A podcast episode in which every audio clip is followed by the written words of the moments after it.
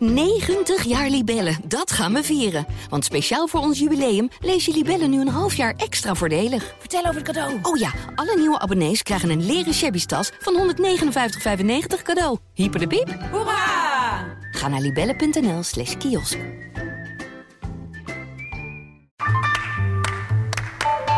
Ik lees de Volkskrant omdat kennis van zaken hebben mij geruststelt. En ik mij daardoor sterker in mijn schoenen voel staan. Eigenlijk zou iedereen de Volkskrant moeten lezen. Gun jezelf ook de Volkskrant. Ga meteen naar volkskrant.nl slash nu.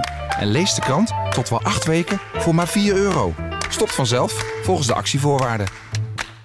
And we're going to turn now to those western wildfires that have torched more than a million acres of land in a dozen states. The crisis is so severe that more than 16,000 firefighters and support personnel are battling nearly 70 wildfires. Het KNMI geeft code rood af voor Zuid-Limburg vanwege overstroming in het gebied door extreem zware regenval. Wat ik gisteren meegemaakt heb, is dat ik gisteren een rivier in mijn tuin had. Uh, van ongeveer 40 meter breed. Hier uh, vanaf hier van het hek tot aan ja, 40 meter dik achter in de tuin. Van extreme hitte en bosbranden in Canada en de Verenigde Staten tot extreme regenval in Limburg.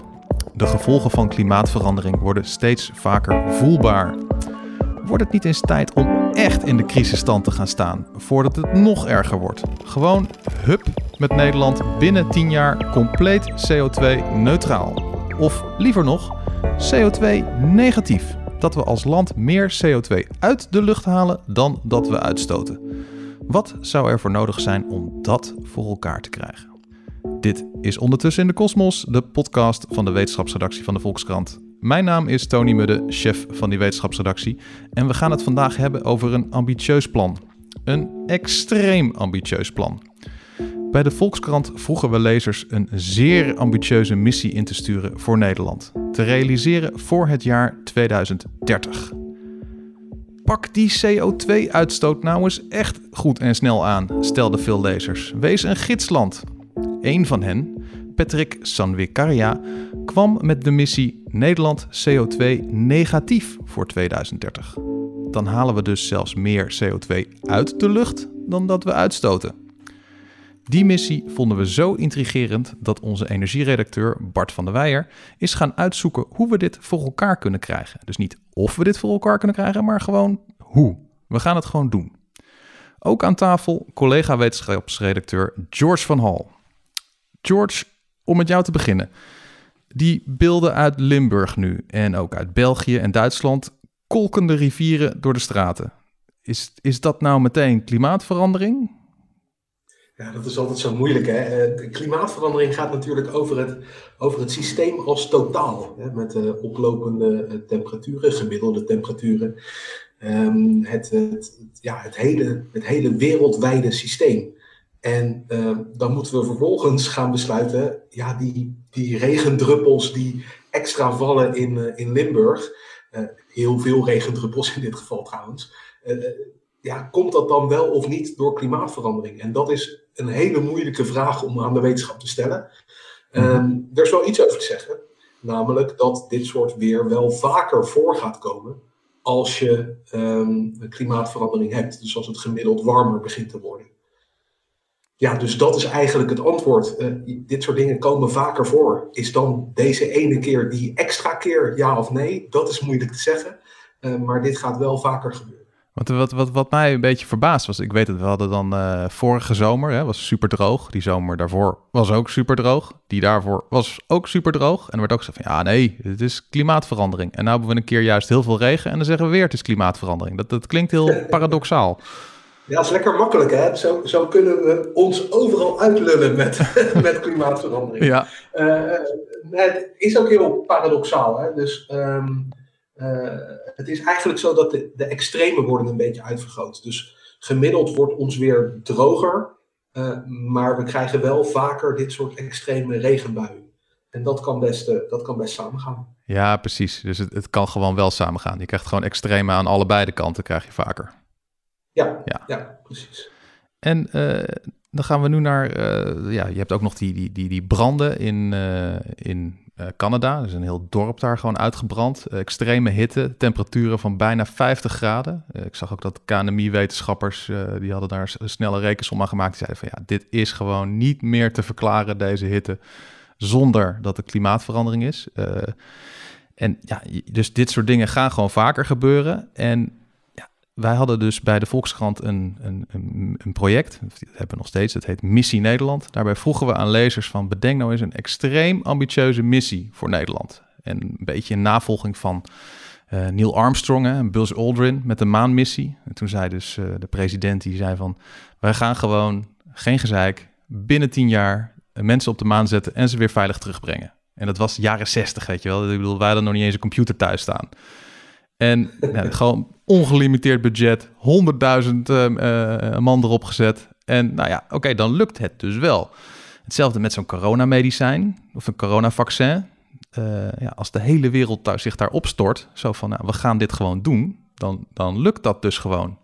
Nou een nog groter probleem, maatschappelijk gezien en op, planeetschaal dan uh, mensen op de maan zetten, is natuurlijk gewoon klimaatopwarming. Dus heel veel lezers hadden zoiets van, ja, dat is hem gewoon. Zo van, als je nou echt iets wil aanpakken en als je, als je echt iets wil zeggen van, nou, dat is nou iets dat moeten we gewoon snel gaan oplossen. Uh, ongelimiteerd budget, alle knappe koppen die we hebben, zetten we erop.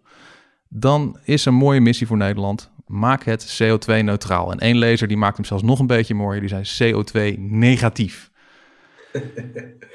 Wij vonden dat wel heel prikkelend. Uh, en Bart van der Weijer die is, is gaan bellen uh, met allerlei wetenschappers en experts van hoe we dat voor elkaar kunnen krijgen. Maar eventjes om te kijken hoe ambitieus is dit nou eigenlijk? 2030 Nederland CO2 negatief. Wat is nu de officiële lijn? Wat zouden we moeten halen?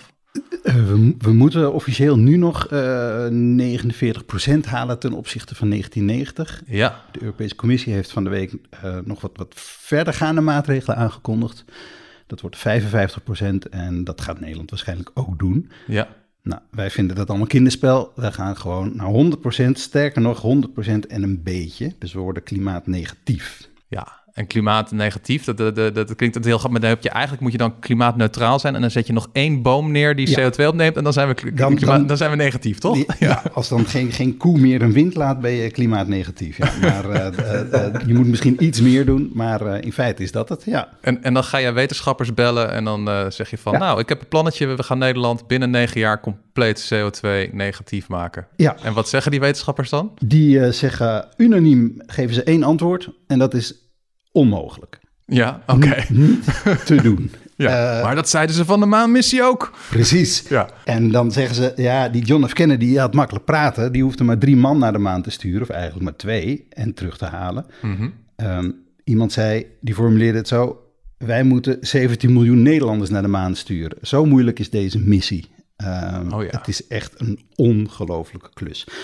En dat is natuurlijk hartstikke leuk, want dan ga je eens uitzoeken van, nou, wat, wat kunnen we doen? Wat kunnen we uh, met een beetje grove pen, wat kunnen we bereiken om inderdaad klimaatnegatief te worden in, in acht jaar eigenlijk. En dat is dan ook echt uh, zoiets van, ja, denk bij wijze van spreken gewoon in dictatorstijl. Zo van, alles mag, ongelimiteerd budget, jij bent de baas, er mag gewoon geen wolkje CO2 meer de lucht in. Wat, Noord, moet, wat moeten we doen? Noord-Koreaanse toestanden. Ja, geen, ja. geen, geen uh, bestemmingsplannen, geen burgerprotesten, geen die windmolen die nodig is, die komt er gewoon. Ook al is het midden in je achtertuin. Al ja. staat hij in je achtertuin, als hij daar nodig is, dan komt hij. Dus ik weet niet of het leuk wordt, uh, ja. maar het is wel interessant van hoe kunnen we dit voor elkaar krijgen. Zullen we gewoon eens een paar uh, sectoren doorlopen? Zo ja. van hoe we dat voor elkaar zouden krijgen. Be beginnen we gewoon met iets waarvan ik denk van ja, dat zou toch moeten kunnen. Uh, transport. Ja. 2030 gaat gewoon geen wolkje broeikasgas meer uit die auto's en vrachtwagens. Ja. Nou, transport is relatief makkelijk, zou je denken. Als je kijkt naar hoe transport zich de afgelopen jaren heeft ontwikkeld, dan stijgt de uitstoot alleen maar. Wij zijn in Nederland lekker bezig met elektrische auto's. Mm -hmm. Maar als je kijkt in ieder geval naar Europa, dan neemt de uitstoot van CO2 gewoon toe, terwijl andere, andere sectoren dalen. Zeker, okay. zeker de industrie, dat is ook meteen de grootste, maar die heeft ook de grootste klappers naar beneden gemaakt. En transport blijft gewoon stijgen. En dat komt omdat we meer transporteren, we vervoeren meer. We zitten meer in onze auto's, in onze vrachtwagens. En die rijden allemaal nog op diesel en benzine en een klein deeltje op elektriciteit. Mhm. Mm -hmm. uh, maar ja, goed, die wordt ook nog maar voor een kwart duurzaam opgewekt als het om Nederland gaat. Dus daar gaat het eigenlijk gewoon nog steeds heel erg de verkeerde kant op. Oké, ik, ik dacht echt van, ik zie steeds meer elektrische auto's, dus dat zal wel de goede kant op gaan. Maar dat is dus helemaal niet zo. Nou ja, god, dat gaat misschien heel langzaam, eh, begint die tanker zich te keren. Mhm. Ehm, maar er moet veel gebeuren. Maar stel, hè, we gaan eh, transport maken we klimaatneutraal. Nou, dan zou je kunnen zeggen, begin met inderdaad elektrische auto's. Dat is relatief makkelijk. En dan zeggen we niet eh, 2035, zoals eh, eh, Frans Timmermans wil. 2023, dan mag er geen enkele auto met een verbrandingsmotor meer in Nederland verkocht worden. Dat moet, want anders dan kom je er sowieso niet. Oké, ja. Nou, dus dan moeten vanaf dan alle elektrische nieuwe auto's moeten elektrisch zijn. Ja, Nou, dan krijg je het rekensommetje. Er worden ongeveer 350.000 auto's per jaar verkocht. Dat moeten dan allemaal elektrische zijn. Nou, dan ga je rekenen, dan hebben we er over acht jaar nog maar 3 miljoen. Dan blijven er dus, op het moment dat we klimaatnegatief moeten zijn... eh, blijven er nog een stuk of 6 miljoen auto's over die we al hebben... die gewoon op benzine, diesel, eh, al die andere fossiele brandstoffen rijden. ja, Ja, die stoten dan dus gewoon nog CO2 uit. Dus daar moet je ook iets voor gaan verzinnen. ja. Nou, dus dan gaan we ook zeggen, oké, vanaf 2023 ehm, gaan we een maximum zetten op de hoeveelheid benzine en diesel die je per jaar mag verkopen. En dat gaan we elk jaar een beetje minder maken. Mhm. Nou, dan gebeurt vanzelf wat er gebeurt als je op de markt komt en je wil een mango, maar er zijn er nog maar drie, die worden dan ineens heel duur. Ja, Dus benzine en diesel gaat duur worden. Nou, dat heeft een voordeel, namelijk dat, dat eh, eh, synthetische brandstoffen, die kunnen we tegenwoordig ook maken, en die kan je van groene energie maken, die worden dan relatief goedkoper. Dan wordt de vraag groter. En wat er gebeurt als de vraag groter wordt, dan gaat de prijs ook dalen. Dus als we de vraag maar stimuleren, dan gaat de prijs vanzelf omlaag. Dat is makkelijk praten, want er moet heel veel voor gebeuren om dat voor elkaar te krijgen. Maar in theorie is dat een beetje hoe het werkt. Eh, dus als we dat dus gewoon afdwingen, dan wordt dus benzine en diesel duurder. En uiteindelijk wordt die, die synthetische brandstof, die gemaakt wordt van waterstof en, en CO2 die we dan uit de lucht halen, die wordt dan goedkoper. en dat kan ik gewoon in mijn benzinemotor auto stoppen. Ja, ja, Dus ik, ik kan nu al iets in mijn auto stoppen, wat dan... eh, ja. mijn Of- benzineauto, daar kan ik iets instoppen wat dus dan CO2-neutraal is. Ja, in, in, in principe wel. Ik zeg wel heel vaak in principe geloof ik, maar dat Ja, is dan dat- toch dat- wel weer dat zo. mag bij deze missie, ja. ja. Nee, dat kan. Eh, en eh, ik zou je aanraden om wel een elektrische auto te kopen trouwens. Maar in, in, in principe kan jouw oude auto gewoon op, op synthetische brandstof rijden. Sterker nog, dit jaar heeft KLM al eh, gevlogen met, nou ja, weliswaar aangelengd met normale ouderwetse kerosine. Maar die hebben gevlogen een stukje op, op echt kerosine die is gemaakt van lucht, van water en van, van, van elektriciteit. Dus dat bestaat. Ja, Nou goed, je kan natuurlijk ook nog, maar misschien ga ik te veel in de deta- details, maar je hebt natuurlijk ook nog zoiets als biomassa. Dan gaat iedereen meteen eh, van op de kast. ja dat Maar- is zo van eh, een bos om, omhakken. Ja, en- dat en, moet je misschien in niet de doen. oven in, ja. Maar als we dan toch eh, graan verbouwen, dan blijft er altijd heel veel troep op het land liggen. Als we dat nog gaan verzamelen, dat zijn echt ongelooflijke hoeveelheden. Dus dat moeten we gaan verzamelen. En dat kun je dan via een proces dat heel oud is, uit de jaren 30 van de vorige eeuw stamt. Daarmee kun je dat spul gaan vergassen. En dan ontstaat uiteindelijk iets wat heet zingas, een soort koolmonoxide. En daar kun je weer ook allemaal brandstoffen van maken. Dat proces, dat kunnen we ook al tientallen jaren. Het is helemaal niet ingewikkeld. Ehm, maar moeten we wel gaan doen. Ja, Eh, want als je dat spul op het graanveld laat liggen, dan rot het ook weg. En dan krijg je ook gewoon die CO2 de lucht in. Ja, toch? Nou, een deel moet je natuurlijk laten liggen, want dat heeft het land zelf weer nodig. Maar een deel kun je gewoon gaan verzamelen. En dan kun je daar dus brandstoffen van maken. En daar kan je auto ook op lopen en daar kan je vrachtwagen ook op rijden. Dus samengevat, eh, meer elektrische auto's, Zoveel mogelijk. zoveel mogelijk. En wat er dan nog overblijft, daarvoor hoef je niet per se dan mensen tegen te zeggen zo van... ja, sorry, we gaan uw auto confisceren, want benzineauto's mag niet meer. U gaat maar in de trein zitten. Dan mogen ze die auto's houden. Maar dan met een soort prijsprikkel worden dan synthetische brandstoffen veel Ja. goedkoper... waardoor je op die manier CO2-neutraal Ja, kan Ja. rijden. ja, ja. Dat zal, en, eh, nou, autorijden zal dus, maar goed, dat werd van de week ook al gezegd, het wordt dus wel een stukje duurder. In ieder geval voorlopig. Ja, Misschien dat het daarna weer goedkoper wordt als we heel veel groene energie gaan produceren. En eh, voor, al die elektrische auto's, eh, heb je dan echt, om dat draaiende te houden, heb je dan een windmolen nodig in elke achtertuin? Ja, want je moet natuurlijk voor Het al die... antwoord is gewoon ja. Nou ja, Gewoon overal. ja.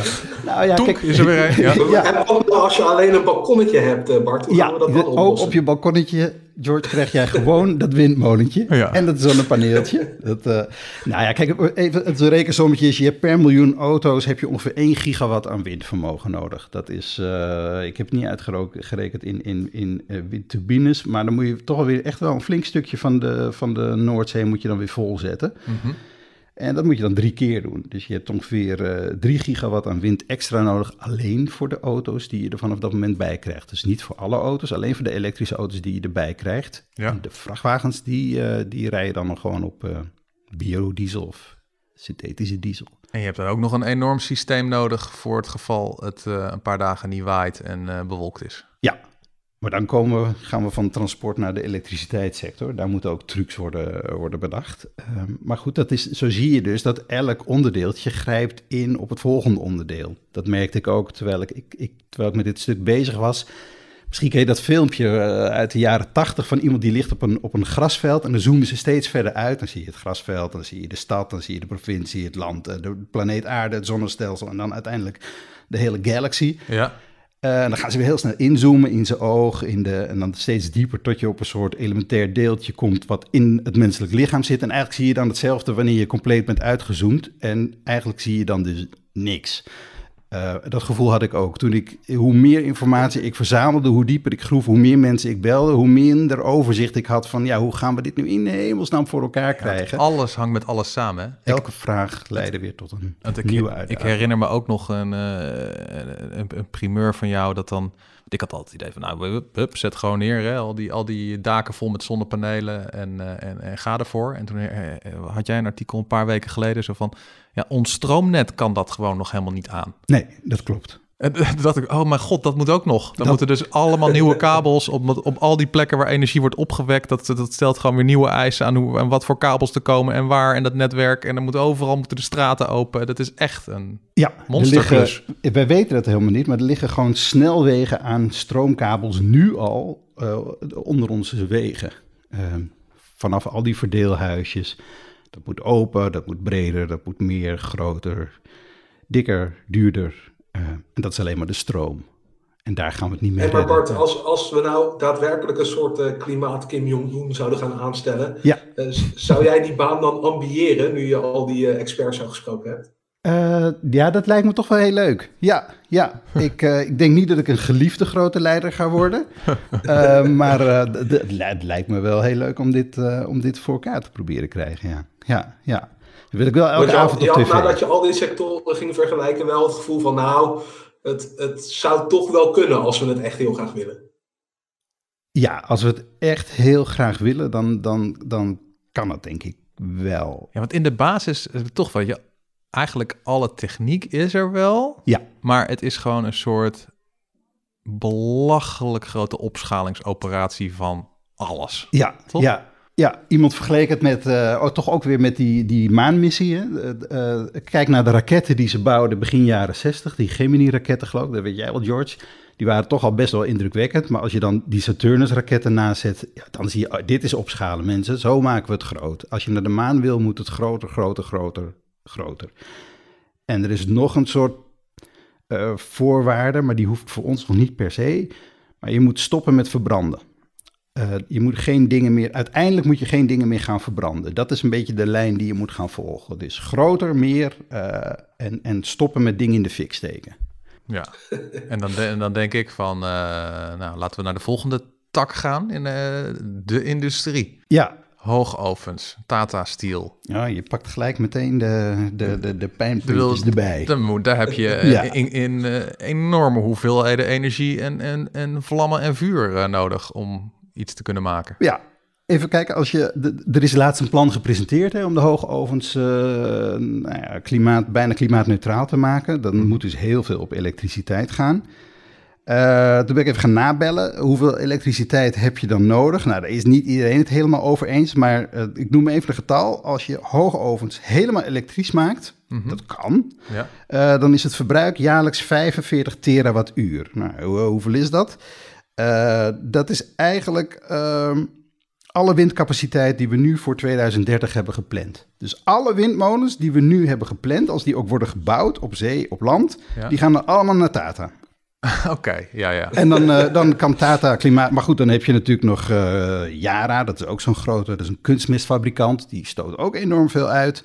Uh, Dow heb je nog, uh, nou ja, al die andere. Dus dan heb je van die industrie, heb je er één, dat is wel een grote, maar die heb je dan dus klimaatneutraal. Maar dan ben je al die windmolens kwijt. Dus dan kunnen we die, die, die windmolenenergie niet meer gebruiken voor de elektrische auto's, of uh, noem maar op. Nee. Dan gaat nee. gewoon alles naar Tata. Alles, alles naar Tata. Maar goed, dan zijn Moet ze je dan wel... gewoon, weet ik veel, een van de provincies plat gooien en die helemaal vol met windmolens om er toch nog een beetje bij te, bij te kunnen trekken? Nou ja, er is, er is op de Noordzee natuurlijk wel nog plek. Maar daar komt dan ook weer het stroomnet. Al die stroom moet naar, naar de wal. En die moet dan worden getransporteerd. Nou, dat, dat, um, als we zoveel gaan bijbouwen op zee, dan krijgen we dat op het land nooit weggestopt. Dus je, je, je krijgt, zelfs als je het voor elkaar krijgt, uh, je krijgt het niet weg. Dus het, dat, dat, is wel, nou, dat is ook wel een uitdaging. Dus je moet ook de stroomopslag gaan opschalen. En je moet eigenlijk op zee moet je al waterstof gaan maken, direct in de windmolen. Uh, dat ergens bewaren, uh, voor, ook voor momenten dat je bijvoorbeeld geen wind en zon hebt. Want dan wil je toch ook gewoon je fabriek laten draaien. Ik, ik heb een idee, dan mogen jullie me uitleggen hoe stom het is. Uh, ik, ik, zeg zo het noorden van Finland, Noorwegen. Daar hebben ze nog behoorlijk wat ruimte, wat vrije ruimte. Daar, daar waait het vast ook wel. We zeggen tegen de Noren, hier heb je een beetje geld. dan kunnen wij wat, wat, wat oppervlak van jullie huren. En dan zetten we daar gewoon alles vol met windmolens. Want daar hebben ze meer ruimte. En dan trekken we gewoon één grote kabel. Die trekken we zo rechtstreeks naar Tata Steel. En dan doen we het zo. Ja. We hebben een kabel in met Noorwegen waar stroom uitkomt. Maar dat is te weinig om... daar kan je eigenlijk zeg maar... Uh, nou ja, de, de, verlichting van, van Tata van laten branden. Ja. Uh, dus dat is ook nog een operatie. Wat andere mensen zeggen... En daar is natuurlijk niet iedereen het mee eens. Maar het, zou, het klinkt ook aantrekkelijk... Je ziet nu dat een aantal landen in Noord-Afrika, onder meer Saoedi-Arabië uh, ook, die, hebben, die zijn grote plannen aan het ontwikkelen om enorme vlaktes met zonnepanelen en windturbines te gaan optuigen en om daar gewoon waterstof te gaan produceren. Ja. En die waterstof, die kan je, dat is een energiedrager, die kan je transporteren. Dat kan je, nou waterstof zelf misschien niet, maar die kan je dan hier naartoe halen. Gewoon zoals we nu ook heel veel van onze energie importeren. Mm-hmm. En daar laat je dan je industrie op draaien. Dus je gaat het niet allemaal zelf opwekken. Je doet het gewoon in landen waar dat veel efficiënter kan. Waar de zon meer schijnt. Een zonnepaneel rond de Sahara levert gewoon drie keer meer op dan een zonnepaneel hier in Nederland. Dus als je dat dan daar gaat doen en je maakt er waterstof van... En je zet die waterstof al dan niet om in iets anders wat je tijdelijk uh, makkelijker kunt vervoeren. Mm-hmm. Nou, dan kan je dat hier gebruiken als energiebron. Ja, en ik heb, ik heb zelf ook wel eens op een uh, trip door de Sahara gereden. Daar is nog wel een hoekje te vinden waar ik niet het idee heb dat nou heel veel mensen er last van hebben. Dat hun uitzicht bedorven wordt als Nee. je daar een enorm zonne, zonnepark zo neerzet. Nee, je hebt er weinig klagende burgers. En het aardige is natuurlijk, omdat je, je hebt, om waterstof te maken heb je, dat realiseerde ik me ook niet, heb je ontzettend veel zoet water nodig. En Mhm. Dat heb je niet in de woestijn. Oh ja. Dus zei iemand, wat je moet doen, is je pakt een leiding uit zee met zout water, die ontzeelt je ter plekke. Dan heb je daar zoet water. Eh, dan doe je een retourleiding met nog zouter water weer terug naar de zee. Die kan er wel tegen. Maar dan heb je op die plek waar je waterstof maakt, heb je ook een overschot aan zoet water. Daar kun je landbouw mee gaan bedrijven. Dus Oh, je ja. kan daar ook eh, nou, de woestijn gaan inrichten om landbouw te gaan, eh, te gaan plegen. Dus je kan daar ook een nieuwe industrie gaan creëren. En uiteindelijk, dit zijn fantasieën natuurlijk, maar goed, het ik vond ze wel aardig. eh, zul je misschien wel zien dat een deel van de industrie, die trekt natuurlijk naar plekken waar energie goedkoop is. Dus Ja. de industrie gaat gewoon uiteindelijk of naar het noorden of naar het zuiden, eh, waar waterstof eh, makkelijk te produceren is. Dus Ja. ik denk dat Tata uiteindelijk, uiteindelijk, als wij heel oud, bejaard en achter de rollator lopen, misschien is er dan wel een topman die zegt, we gaan naar Marokko mensen. Gewoon met heel Tata Steel. Ja. hele, ja, want daar eh, kost het energie bijna niks en hoeft het niet hier naartoe te slepen. Ja, ja. Het is, eh, het is natuurlijk ook, weet je, het is, als je dus...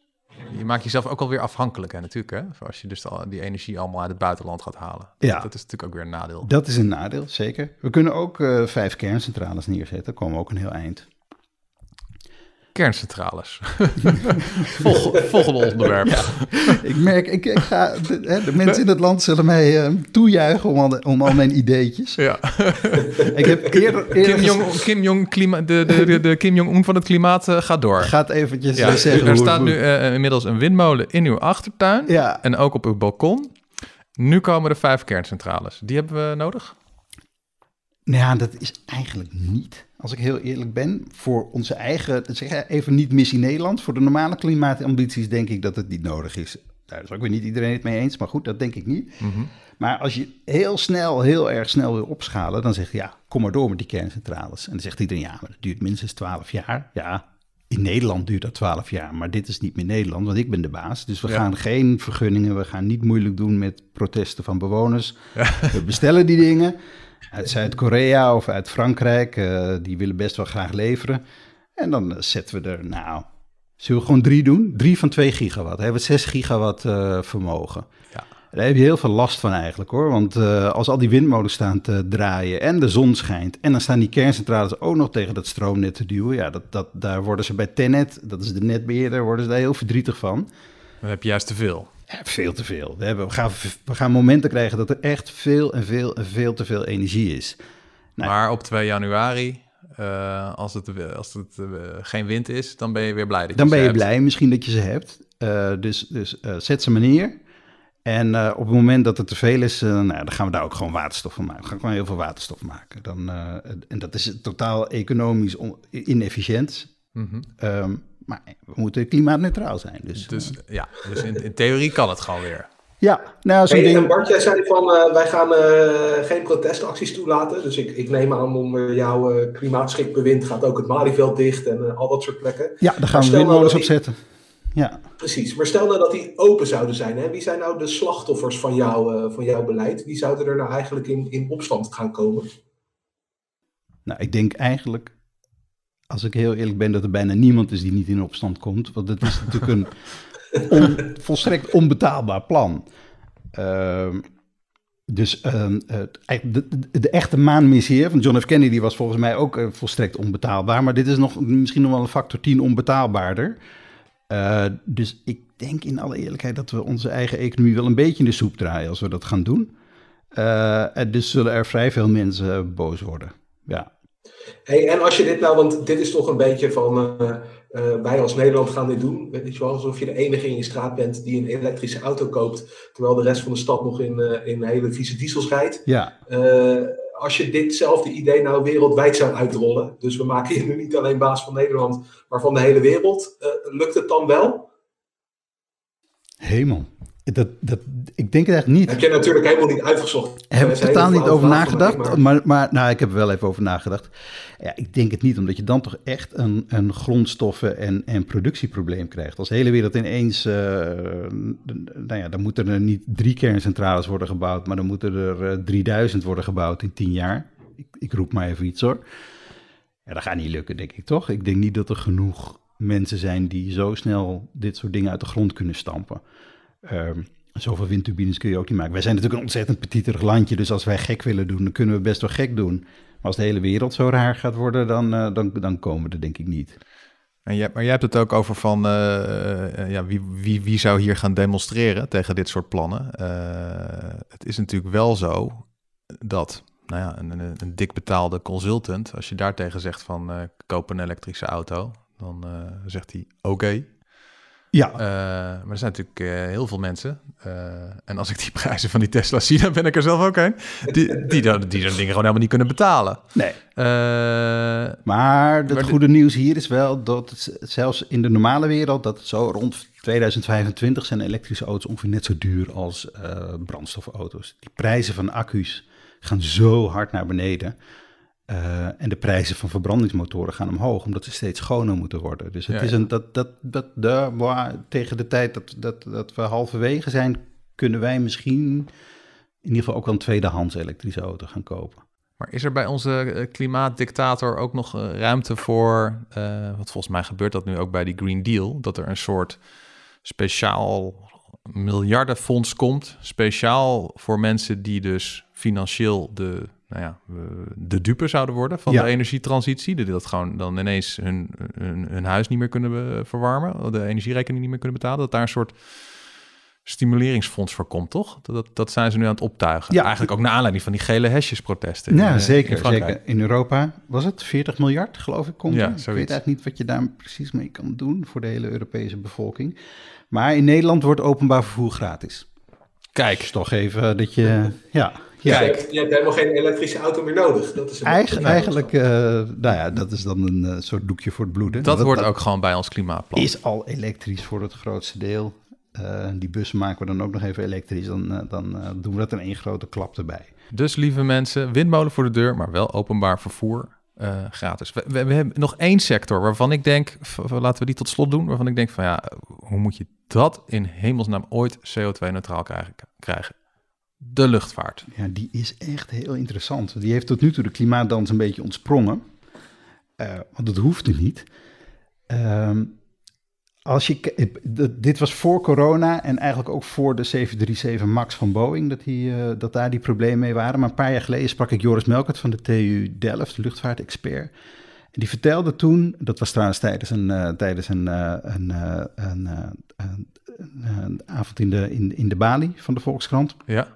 Um, die vertelde dat de orderportefeuilles van Airbus en Boeing, dat zijn eigenlijk de enige twee vliegtuigfabrikanten van enige betekenis ter wereld, die zaten tot 2030 vol. Dus ze konden gewoon tot 2030 zaten ze vol met, met nou ja, Boeings die ze konden verkopen. Die worden ook gewoon allemaal verkocht. Mm -hmm. Misschien nu niet meer helemaal, maar laten we even uitgaan van het scenario van toen.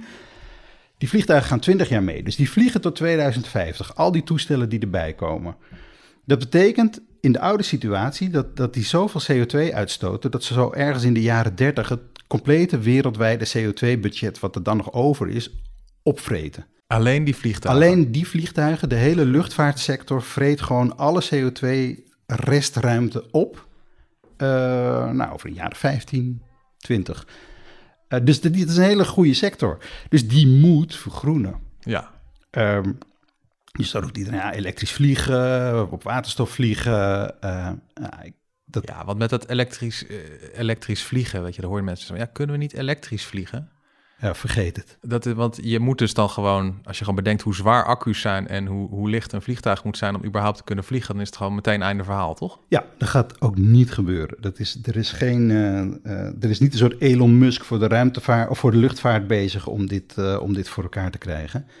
Wat wel lukken is korte afstanden met een paar passagiers aan boord. Uh, er worden nu vliegtuigen ontwikkeld met 20, 30, misschien 40 man, die dan tussen wat steden kunnen vliegen. Mm -hmm. Moet je afvragen of dat nou zo fijn is. Maar goed, voor het toestel, zo'n zo, zo, zo, zo grote Boeing die van Amsterdam naar Los Angeles vliegt in één keer, dat gaat niet gebeuren op elektriciteit en ook niet op waterstof. In ieder geval niet de komende 20, 30 jaar. En als we nou even op zijn uh, Kennedy-maanmissie-achtige manier denken, zo van het moet gewoon gebeuren, dat de luchtvaart CO2-neutraal? Ja, dat kan, maar niet met de vliegtuigen. Je kan een paar dingen doen. Je kan zachter gaan vliegen, je kan lager gaan vliegen, dan heb je ook minder van die, uh, van die uh, strepen in de lucht. Die geven ook nog een vervelend effect voor het klimaat. Mm -hmm langzamer vliegen. Je, er valt nog iets te winnen met aerodynamica. Je kan, wat nu nog moet, uh, piloten moeten nu een vaste route volgen door Europa heen. Als je ze gewoon vrij door Europa laat vliegen, kan je geloof ik ook 10% brandstof besparen.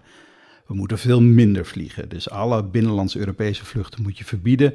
En als je in een midweekje naar Thailand wil, moet je gewoon een vette heffing gaan betalen. Dat is sowieso wat er moet gebeuren. Ja, oké. Okay. Elke, elke, druppel brandstof die je niet verbruikt, hoef je ook niet. Uh, hoef je, hoef je dus, ook niet uh, Zuid, Zuid-Spanje wordt gewoon uh, bijna verplicht openbaar vervoer. Met de trein, met de elektrische auto. Ik weet niet of het prettig wordt, maar dat moet je niet meer gaan vliegen. Nee, okay. Nou, en dan moet je dus dat resterende deel moet je dus ook gaan oplossen met, met, met kerosine.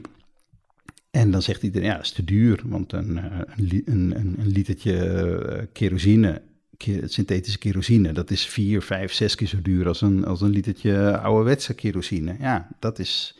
Dus je moet ook daar gaan opschalen. Je moet gewoon fabrieken gaan bouwen die dat, die dat gaan maken.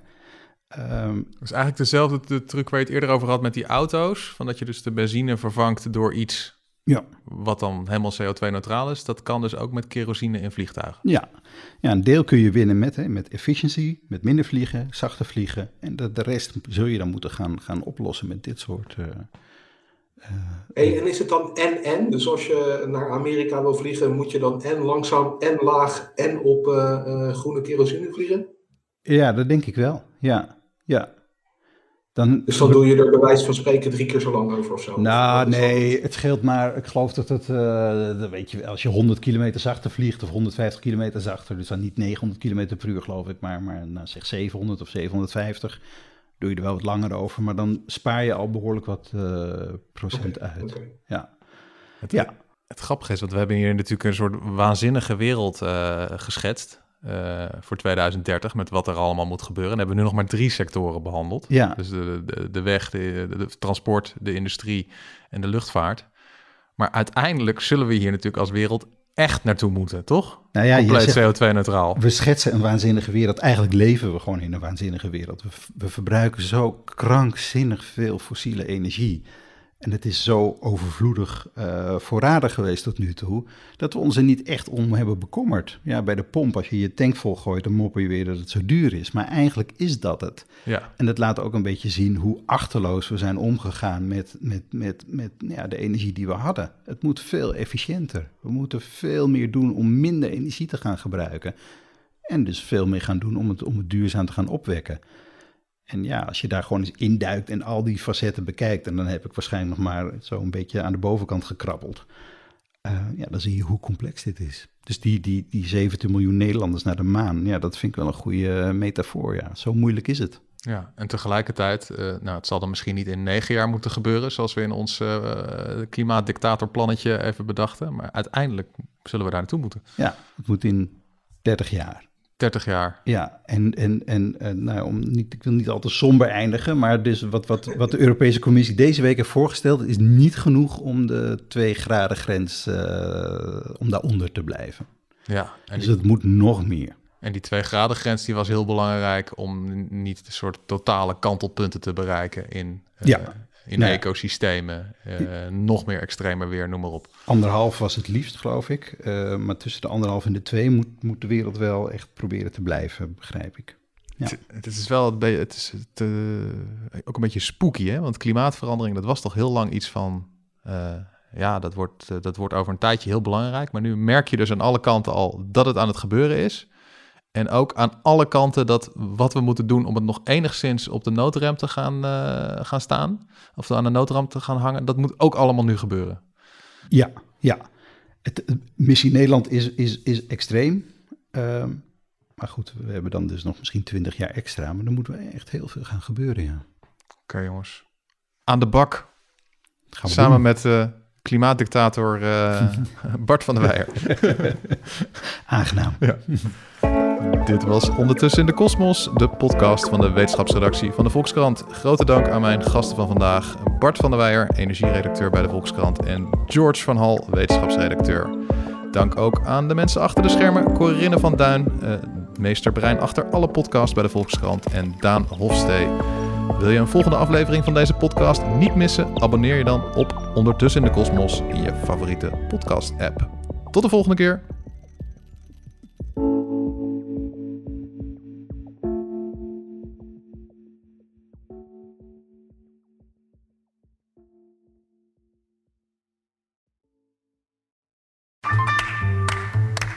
Ik lees de Volkskrant omdat ik altijd alle kanten van een verhaal wil weten.